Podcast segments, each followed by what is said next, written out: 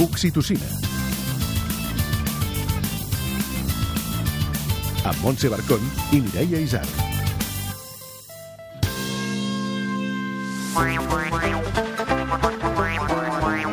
Quan el nostre fill torna mossegat de l'escola o veiem que el pega un nen al sorral del parc, ens bull la sang.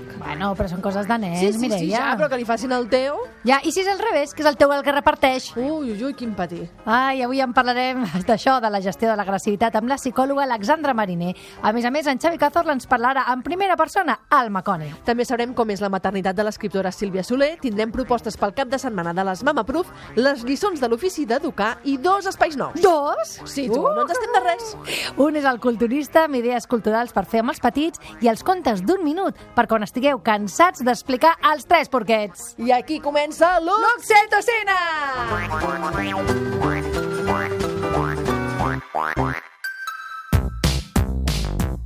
Hola, sóc la Sílvia Soler i sóc mare de dos nois. Què no t'esperaves de la maternitat? A mi el que més m'ha sorprès de, de ser mare és la transformació que he patit jo mateixa com a persona. El fet de ser mare doncs, m'ha convertit en una persona més pacient, també més generosa, més comprensiva i, per altra banda, més exigent també. No? De seguida que vaig tenir el primer fill em vaig adonar que m'havia ficat en el projecte més important de la meva vida, tant pel que fa a la responsabilitat com pel que fa a tenir un al·licient continuat. Què és el millor de ser mare? Um, la cosa més frustrant de la meva maternitat és que uh, el meu pare va morir molt abans que naixessin els meus fills i la meva mare quan el gran tenia 3 anys i el petit 5 mesos.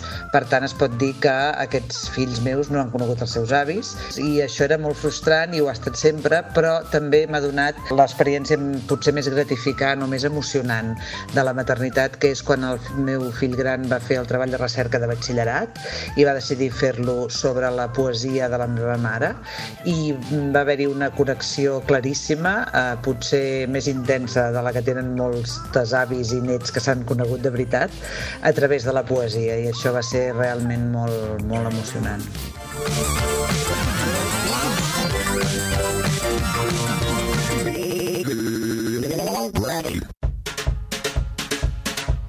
Manual d'instruccions.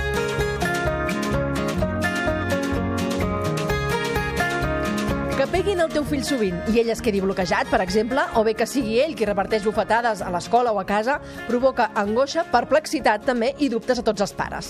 Com els fem entendre que això no s'ha de fer? L'obliguem a demanar perdó, a fer un petó? I si és ell qui rep, com l'ajudem a que això no li afecti a l'autoestima? Avui la gestió de l'agressivitat dels petits amb la psicòloga Alexandra Mariner. Bona tarda. Bona tarda.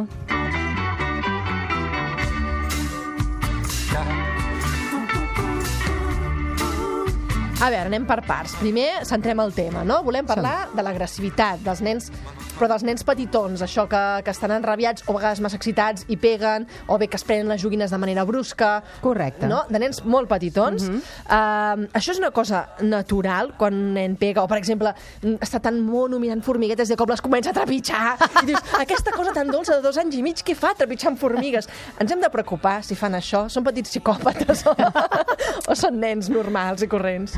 Són nens normals i corrents. És força habitual aquesta resposta agressiva en aquestes edats primerenques. Agressiva, diguéssim, el que és és una resposta a la falta de maduresa encara incipient en els seus cervells, diguéssim, al deixar-se portar per l'impuls, on els hem d'anar ajudant a conquistar doncs, aquestes habilitats més empàtiques. Això doncs, eh, no és correcte i això fareix doncs, a la pobra formiga que passava per aquí, no? igual que ajudar-los a anar tolerant les frustracions de la vida, que sovint també els dona pas a aquest impuls no? que surt sense filtre, diguéssim. No? Pot ser que a vegades sigui com ganes simplement d'experimentar.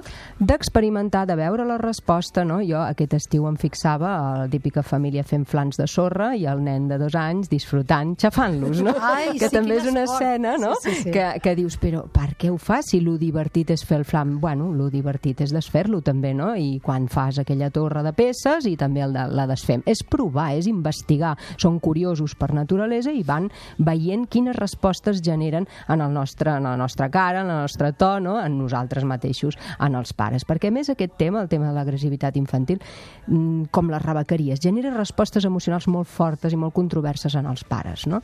I aquí és on nosaltres, com sempre, hem de mantenir-nos, no? observar bé com reaccionem nosaltres, perquè ells és d'on trauran el model. No, no els hi podem Ai. dir, gestiona la teva emoció, fill meu, mentre jo responc igual no? a, la, a la provocació de la teva, de la teva agressivitat. Per tant, ens tocarà aquí situar-nos en la part del cervell que raona no? i donant una resposta més elaborada que no pas l'impuls que ell ha tingut. No? Segurament sempre estarà diferent a les respostes o, o eines que ens donaràs tu ara amb nens d'això de 2 a 5 anys mm. que si fossin més grans, no? Llavors ja sí que podríem haver uns altres raonaments, una altra manera d'acompanyar el nen, no? Exacte, exacte. I és molt diferent quan ens trobem en aquest primer estadi on hi ha impuls purament, no? I no hi ha intenció de fer mal elaborada que quan ja trobem unes conductes agressives amb intenció de, de fer mal.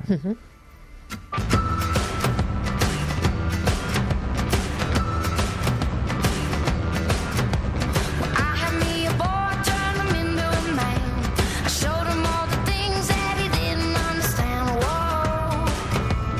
a veure, comencem doncs ara a com podem ajudar un fill que és propens, potser, a, a, a pagar, a robar les joguines al parc a un altre nen, a, o fins i tot a vegades a nosaltres mateixos, no? quan Sí. s'enfada. o Com, com, com, com hem de reaccionar i, i, i fer-li entendre que allò no, no es fa? En primer lloc, quan veiem la conducta que no ens agrada, la mossegada, el pessic, parar-ho ràpid. Això no. Senzill, això no. Mm? Així no, o això no, com, com més us agradi. No? Això no és correcte. Però des de la calma, com dèiem, l'estem convidant a ascendir en el seu esgraó no, emocional i a començar a raonar. Això no, des de la calma, però contundent. No? I ser constants en aquesta resposta, no si passiga davant de gent no li dic res, però després eh, si passiga i estem sols sí que li dic. És a dir, quan estem treballant que això és no, ha de ser constància, no? ha de ser sempre li dic. No? I ensenyar-li alternatives. Veig que estàs enfadat i per això possiblement em vens amb la malsada, però així no, digue-m'ho d'una altra manera i portar-lo al món de la paraula, com dèiem també amb la rebequeria. No? Aquest impuls, aquesta emoció ha de sortir en forma de paraula, ha de sortir en forma d'alguna altra cosa que no sigui amb l'agressivitat. No? I aquí ens tocarà això, ajudar-lo a trobar alternatives vàlides per ell. No? I fer-lo... És que això amb nens tan petits, dius, és com un concepte abstracte, Sí. el demanar perdó, no? Fer- Fer-li demanar perdó, això, a nens de dos, tres anys, um, ho entenen? Serveix d'alguna cosa? O, o això del perdó i un petó al final veuen que és com un mecanisme que, mira, arregla les coses, jo puc anar pagant i després anar a fer un petó i dir perdó i ja clar, està. clar, hi ha molts que ho agafen com un patró. Saps, eh, reparar la situació, diria jo, no? Eh, Però com es fa això? Si ha pagat a un cosinet? Bé, doncs, bueno, intentar, doncs, ara que estigui més content, perquè jo encara el veig trist, no? No el veig, el veig afectat. Què podries fer per ell, no? O pregunta-li què puc fer per tu, perquè ara et veig trist, no? És a dir, començar-li a fer pensar que les situacions que s'esgarren després es poden reparar, no? I que la paraula perdó i un petó està bé si és que l'altre ho vol, perquè després també hi ha nanos que no volen el perdó i que Exacte. se senten molt ofesos i que realment necessiten el seu temps perquè puguin uh, estar un altre cop conformats. No? Però sí que els podríem ensenyar a, a, a reparar les situacions. No? Quan hi ha hagut un impuls, doncs llavors ho hem de reparar. És molt curiós perquè hi ha nens, bueno, n'hi ha un en concret a casa meva, que es pren el no o això no com un joc. Uh -huh. O sigui, jo eh, int- intento fer-li entendre, no, això no, així no, i ja, ja, ja, ja, i comença a riure i ho torna a fer perquè es pensa que estem jugant. I quan són tan petitets, això eh, que deies d'explicar-los i de reparar el mal, però quan són més petits, eh, com ho gestiones? Perquè, bueno, haig de confiar que ens entenen, però no sé. Sí, sí, ens entenen, entenen la Abans nostra... dels dos ens entenen. A partir de quina edat ens poden començar a entendre? Ens poden, ens entenen, entenen. Per... Tu pensa que els nens són emoció, és a dir, veuen la teva cara, no? Ara, sí, clar, si diem així no, però ho diem, eh, saps? No, no, no, jo vaig... Eh, en castellà Et ho diré. el sèria? ceño, Sí, poses sí, molt sí, sèria. Sí, sí, vaig assajar la cara i tot així com dient, això no! I vaig fer així. Vas estar un dia al davant del mirall, la cara del no. Clar, perquè ells capten això. Les paraules sí, podem, podem pensar que potser el discurs no l'acaben d'entendre, però el que és la paraula i el to sí, el capten, no? I és això no, i bueno, ell riu, ha causat una, un efecte en tu i ell li sembla graciós. Però llavors el que podem fer és ràpidament, això sí, no? Quina és l'alternativa? I això, si ho associem, ell ràpidament captarà la idea, no? És a dir, fer-ho així no, pots fer-ho d'una altra manera. Aquí has de ser ràpida també, no? En col·locar com si, no? Val. Amb ensenyar-li. I si és un joc, doncs tallar aquest joc, no? De dir, mm, fem una altra cosa, però no, no aprenem a que aquest és el, la conducta correcta, no? És a dir, sí? S'ha entès. S'ha entès, s'ha entès, s'ha entès,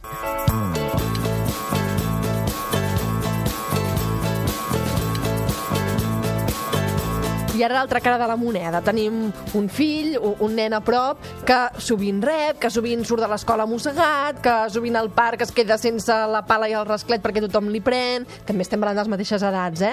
Com l'ajudem? Això es deu a alguna cosa o simplement mira que és un nen més bonàs i no, no, no vol dir res? Um, Clar, cada un té la seva manera de ser, la seva personalitat està despuntant, no? però aquí el que l'hem d'ajudar és a ser assertiu, no? a defensar els seus drets no? i a trobar els seus propis recursos. Aquí, si nosaltres li donem la solució, el que estarem fent és sobreviure però no progressar i el que ens interessa és que ell busqui els seus propis recursos no? per fer créixer aquest cervell. No? I així com en l'altre cas apel·làvem a l'empatia, has pensat com es sent l'altra persona, no? Aquí apel·lem a l'assertivitat. Has pensat, has, has vist com et sents? Cal que això deixis que passi? Com ho pots frenar, no? Que això passi. El primer, en tot cas, és escoltar-lo quan un nano em ve i em diu m'ha passat això, l'escolto i elaboro la història amb ell, no? perquè a vegades es deixen detalls, no? a veure, però com ha sigut, no? i busco que m'expliqui i com t'has sentit i què ha passat, no? sense afany de buscar culpables, sinó amb l'afany de que penseu que quan posem paraules elaborem les nostres vivències i podem detectar millor quin ha sigut el sentiment o l'emoció que hem passat. No? I com que ens interessa, a més a més, que els nostres nens ho expressin i posin paraules, doncs per això li preguntem i el fem a parlar pel que fa a el que ha passat. No? A partir de llavors, què podries fer? No? Què et Clar, sembla? però- Quina seria la solució? clar, tornar-t'hi, no? Tampoc, vull dir que, Exacte, evidentment. exacte, perquè Llavors, sí. com, com, quina, quina és la solució, entre cometes, que li hem d'oferir o, o, o no? L'ha de trobar ell mateix la seva manera de relacionar-se amb els nens. Clar, eh, mai reforçar o oferir una solució violenta, perquè llavors estem sent incoherents. Uh -huh. Però sí preguntar-li què s'ha t'acut que podries haver fet. I encara que siguin petits, a vegades ens sorprenen, tenen algunes respostes, podria marxar, podria... No? Per què ho dic? Perquè si la solució li dones tu, ell s'acostumarà que els recursos vinguin de fora i el que ens interessa és que ell mediti, no? que pensi, no? què podria haver fet? Si veus que és molt petit i que realment no surt una solució, li pots generar alternatives. I què et sembla? Doncs haver dit mm, no m'està bé el que m'estàs fent, em fa sentir malament, m'has fet mal, ben sèrio també, no? Què et sembla? Això podria funcionar? Sí, no. I llavors assagem alternatives i ens mirem al mirall des de casa que estem tranquils i que no hi ha cap perill, no? I provem quines coses amb ell li podrien anar bé per fer front a aquesta situació i ell va veient-se en diferents escenaris fins que ho actua i ho porta a la vida diària. Sense impacientar-nos, cada nen anirà a poc a poc arribar a la, arribant a les seves eh, habilitats no? més assertives no? per defensar-se en aquestes situacions. I per últim, sí, com deies eh, eh, abans, que hi ha vegades que hi ha nens que no volen eh, acceptar el petó o les disculpes si el nostre fill l'han pagat, després li venen a fer el petó, ell té tot el dret del món, no? Vull dir, no l'hem d'obligar a dir, mira, que ara et venen a fer un petó, vés, vés. No, ell no és, vol. és una de les escenes més forçades Sí, que he vist sí, mai, eh? sí. Tant Fixa- per un com per clar. Però l'altre. molt típiques, eh? I qui pateix més amb tot això?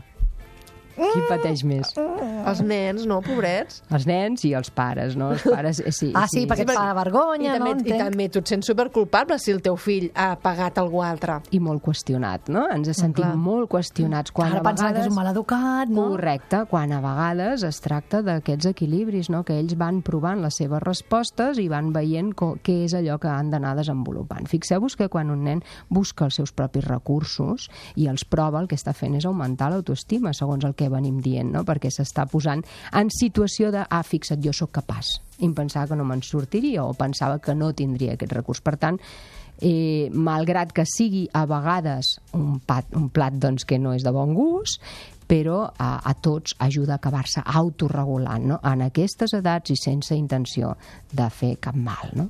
Això sí, quan ho veiem hem de ser coherents, Mm. calmats però contundents. Exacte. I No? parar-ho. I, I, parar-ho. constants, i constants. Correcte, correcte. M'ho he pres, eh? Molt bé. Doncs gràcies, Alexandra. Fins aviat. A vosaltres.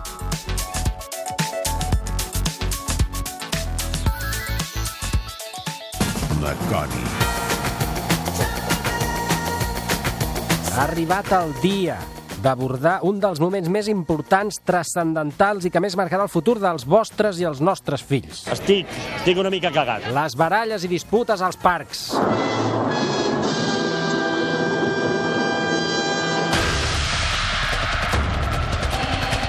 D'entrada, això és un missatge pels pares. El parc s'hi va a controlar que els nens juguin i sobrevisquin sense arribar a casa com si vinguessin del Vietnam. Per tant, no es va petar la xerrada. Per tant, pares, no busqueu conversa als que estem intentant córrer darrere dels nostres fills, així que no ens distraieu i controleu el vostre fill, perquè mentre vosaltres xerreu i passeu la tarda, perquè mentre vosaltres xerreu i passeu la tarda al parc com si féssiu botellón, molt probablement el vostre fill estigui delinquint, agredint els altres nens.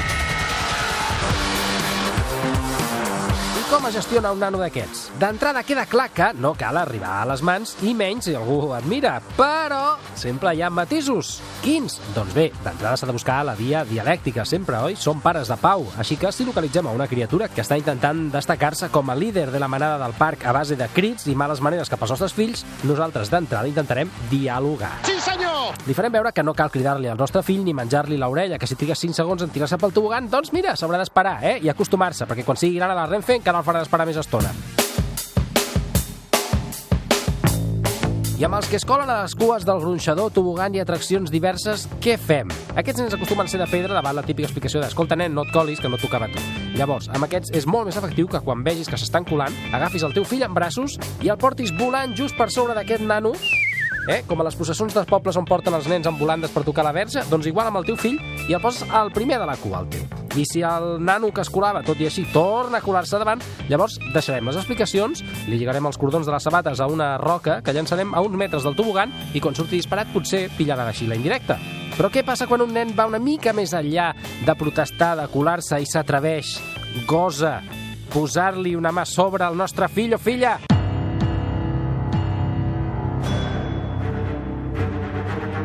En aquests casos, primer s'ha de mantenir la calma, no cal respondre ràpid en el moment de l'agressió i anar a tonyinar ningú. D'entrada esperarem que els pares de la criatura es bronquin al seu fill. Si no ho fan, nosaltres els buscarem i els matarem amb la nostra mirada assassina, que haurem d'haver entrenat prèviament abans de sortir de casa davant del mirall.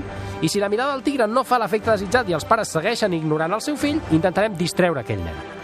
L'arraconarem en algun punt allunyat del parc, lluny de càmeres i mirades de curiosos, i simplement, doncs allà el torturarem. Com? De la pitjor manera possible. L'obligarem a veure i escoltar això. Hola, sóc Pilar Rahola. És un mètode infal·lible, no hi ha nen que pugui suportar escoltar Pilar Rahola, però es pot passar que estigui molt entrenat i que aquest nen sigui immune a una tortura psicològica i tot això no doni resultat. Tranquils, en aquest cas provarem d'amenaçar-lo amb coses que li suposin un canvi d'actitud, dient-li coses com, per exemple, escolta, noi, això no es fa, val? Què passaria si jo, que sóc més gran que tu, et pego, eh?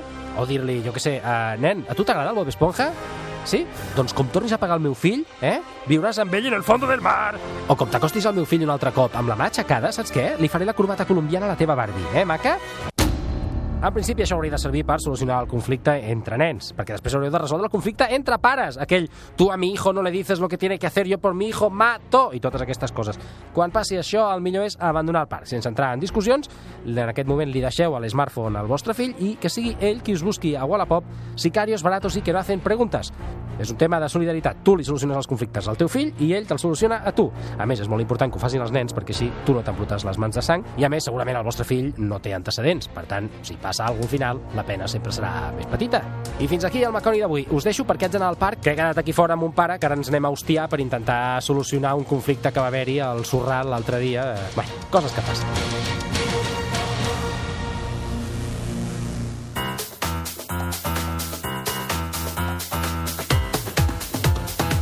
El culturista. I arriba ara el moment de presentar-vos la Laia Falcón. I qui és Laia Falcón, us preguntareu? Doncs Laia Falcón eh, treballa a la revista El, Cul El Culturista, la fa ella juntament amb molta altra gent, i és un bombonet de revista que podeu trobar a llocs tan preciosos com la Puntual, per exemple, o a llocs que ella ens explicarà, o també a la web, al culturista.cat. Eh, no us la podeu perdre, que és una frase que la Laia ens ha dit que no li agrada gens. Bueno, però l'has dit a tu, no l'ha dit ella. Ho dic de tot cor perquè està super ben cuidada a nivell de disseny gràfic, de continguts. Es nota que aquí hi ha amor. Laia, com estàs? Molt bé, encantada d'estar aquí amb vosaltres. Nosaltres més, encara. Segurament. La revista té un munt de propostes, té agenda cultural, això és molt important, per si no sabeu què fer el cap de setmana, entreu, hi ha un calendari i allà hi és tot, però no només això, també parla de llibres, de música, de joguines, de tendències, fins i tot idees, per si us voleu quedar a casa, que això, sabeu que els dies de pluja, eh, tarariroriro, doncs ho salvem així, també té entrevistes, en fi, estem molt contentes que estiguis aquí. Laia, ens portaràs propostes culturals Exacte. i si vols disparar amb la primera. Uh, mira, us explico una mica què, què he pensat jo per, per aquest espai del culturista. Sisplau. Mm, M'agradaria fer una pinzellada breu de diguem, quatre ítems interessants per gaudir cultura i família, que parlaré d'equipaments eh, culturals, uh -huh. Parlaré de- d'alguna companyia mm, que penso que, és, que val la pena conèixer. De teatre, de, de teatre, dansa, de dansa. circ. Seguir-los, no? Exacte, Exacte, seguir-los i- una mica a veure clar, què fan, perquè això. tindran novetats aquest any o no, depenent. Alguna cosa de literatura, de llibres i alguna cosa de música. Genial. déu nhi molt bé, molt bé. O sigui que tothom que agafi ara ja el paper i el boli, no? Vinga. Vinga, I Laia, la primera proposta. La primera proposta, eh, us aviso que no sóc original, eh? Vull dir, són coses que segur que us sonen, que les coneixeu, però Oh, no, potser no. no sabeu que tenen una- dimensió familiar. Ens quedem sempre amb la part adulta. La primera és el MENAC, el Museu Nacional d'Art de Catalunya. Doncs mira, jo no ho sabia que tenia una part dedicada al públic infantil. Sí, no fa molt, és a dir, s'han posat les piles de veritat fa poc temps, fa mm, potser un any, un, un any i pico, i es feia alguna cosa d'autoguiada per famílies, però activitat pròpiament eh, dirigida al públic familiar és relativament nou. Uh -huh. Eh, és un espai fabulós, vull dir, més enllà de l'activitat que programen familiar, per pujar a Montjuïc, bueno, la sala del Romànic que a mi m'entusiasma, i després aquesta programació que fan dedicada al, a les famílies els caps de setmana. Mm. Després fan una altra cosa molt interessant, que és eh, època de vacances, mateixos tallers, però que els fan en grup. Pots organitzar-te amb uns quants amics, Ah, Ah, que bé, i reserves. Exacte, i fas el, i fas el taller.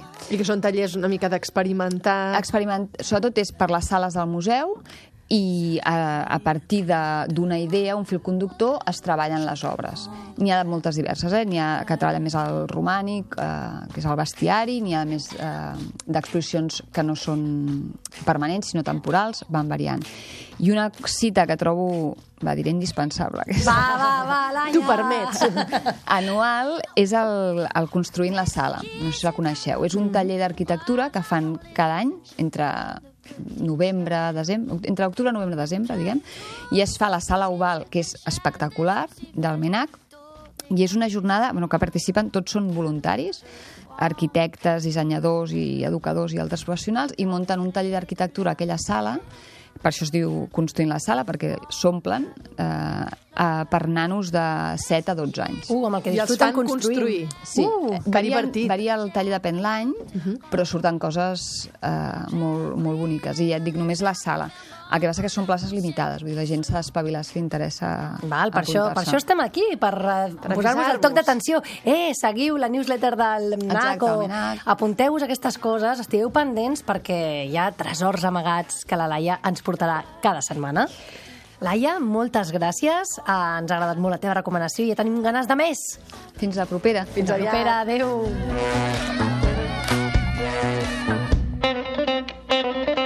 Contes d'un minut amb Montmas.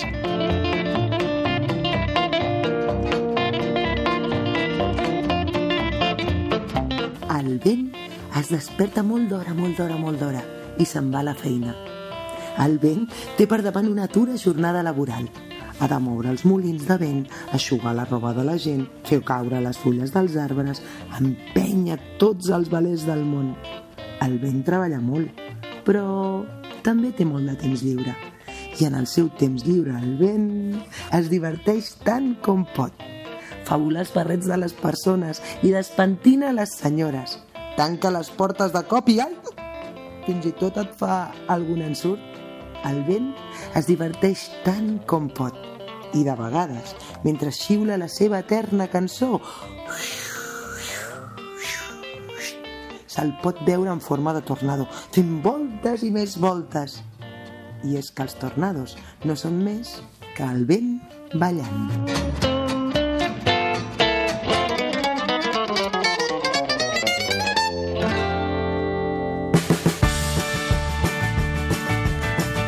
Sortim amb les Mama Bru. 27 years, 27 years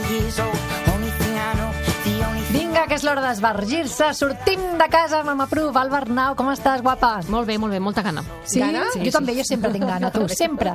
Doncs avui porto una cosa que t'agradarà. Bien. Mira, jo avui us, us parlo d'una cosa i, i us he d'alertar perquè jo no, jo no hi he anat, eh, aquí encara. Ai, però hi ai, aniré. quina por. Però és que les últimes quatre setmanes eh, molts col·laboradors, eh, diferents, a més que no es coneixen entre ells, m'han enviat cròniques parlant d'aquell lloc. Llavors, Oh, eh, oh. clar, no me'n podia estar. És, és com... Promet. Clar, això promet i molt. Uh, el lloc es diu La Desayuneria eh? i està, apunteu, Comte Borrell, número 75, això està just davant del Mercat de Sant Antoni. A Barcelona? I a Barcelona, sí. Uh, I obren tots els dies, tot el dia. Eh? Ah, fàcil, carai. l'horari està molt fàcil. Sempre, vaja. Està tot, tot dia obert. Uh, com us podeu imaginar pel nom, uh, fan esmorzars, no? És obvi. Uh, també fan branys d'aquests que, que jo no sóc molt amiga, jo sóc més del vermut, però bueno. Uh, Però que sempre tenim ganes, igual. Exacte, no passa sí. res, no passa res. Primer una cosa i després l'altra, és igual. Però el que mola d'aquest lloc, a més el seu eslògan, és, és la filosofia aquesta que tenen, que són especialistes en esmorzar tot el dia. Mm, Ai, que- oh, és el meu somni, això. T'imagines esmorzar Perquè per la tarda? l'esmorzar Oh. és un, un àpat molt... Vull dir, si no tens pressa per anar a la feina i tot, és molt És agradable. guai. Sí. T'imagines doncs, fer això tot el dia? Ostres, tu, se m'acaba d'obrir el cel. Doncs, bueno, evidentment tenen de tot, de cafè, sucs, batuts, eh, coses dolces, coses salades, mm, propostes molt saludables, eh, coses que no són tan saludables, però, també, bueno, també, que de tant en tant no passa res. I tant. I parlen molt, molt bé dels seus pancakes. Jo això sí que ho Oh. tastaré, ja us ho explicaré què tal. I és un lloc que, que és evidentment family welcome per anar amb tota la família i on també són benvinguts els gossos, o sigui que si Ah, voleu bé. anar amb la família peluda, eh, també és el vostre lloc. Doncs hi Molt bé, anirem. quina bona pinta, quina gana, per favor.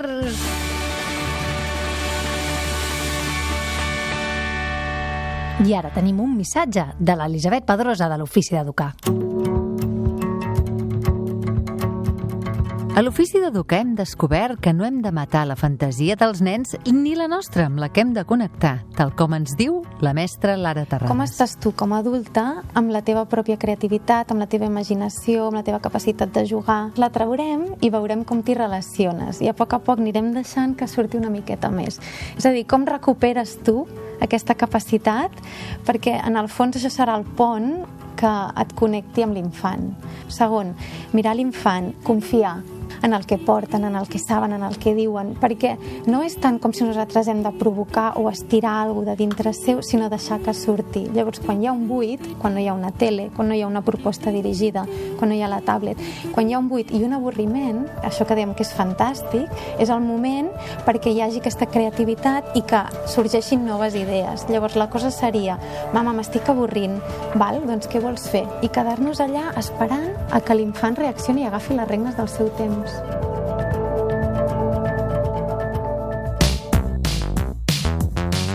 consell per acabar. El que millor funciona en el món de la maternitat és el sentit comú. De vegades doncs, ens, inform ens informem molt, escoltem moltes opinions i al final, moltes vegades, el que millor funciona és aplicar el sentit comú i ser exigent però ser tolerant i ser eh, responsable però també ser generós, una mica trobar l'equilibri. La majoria de les vegades l'única recepta és posar una mica de sentit comú.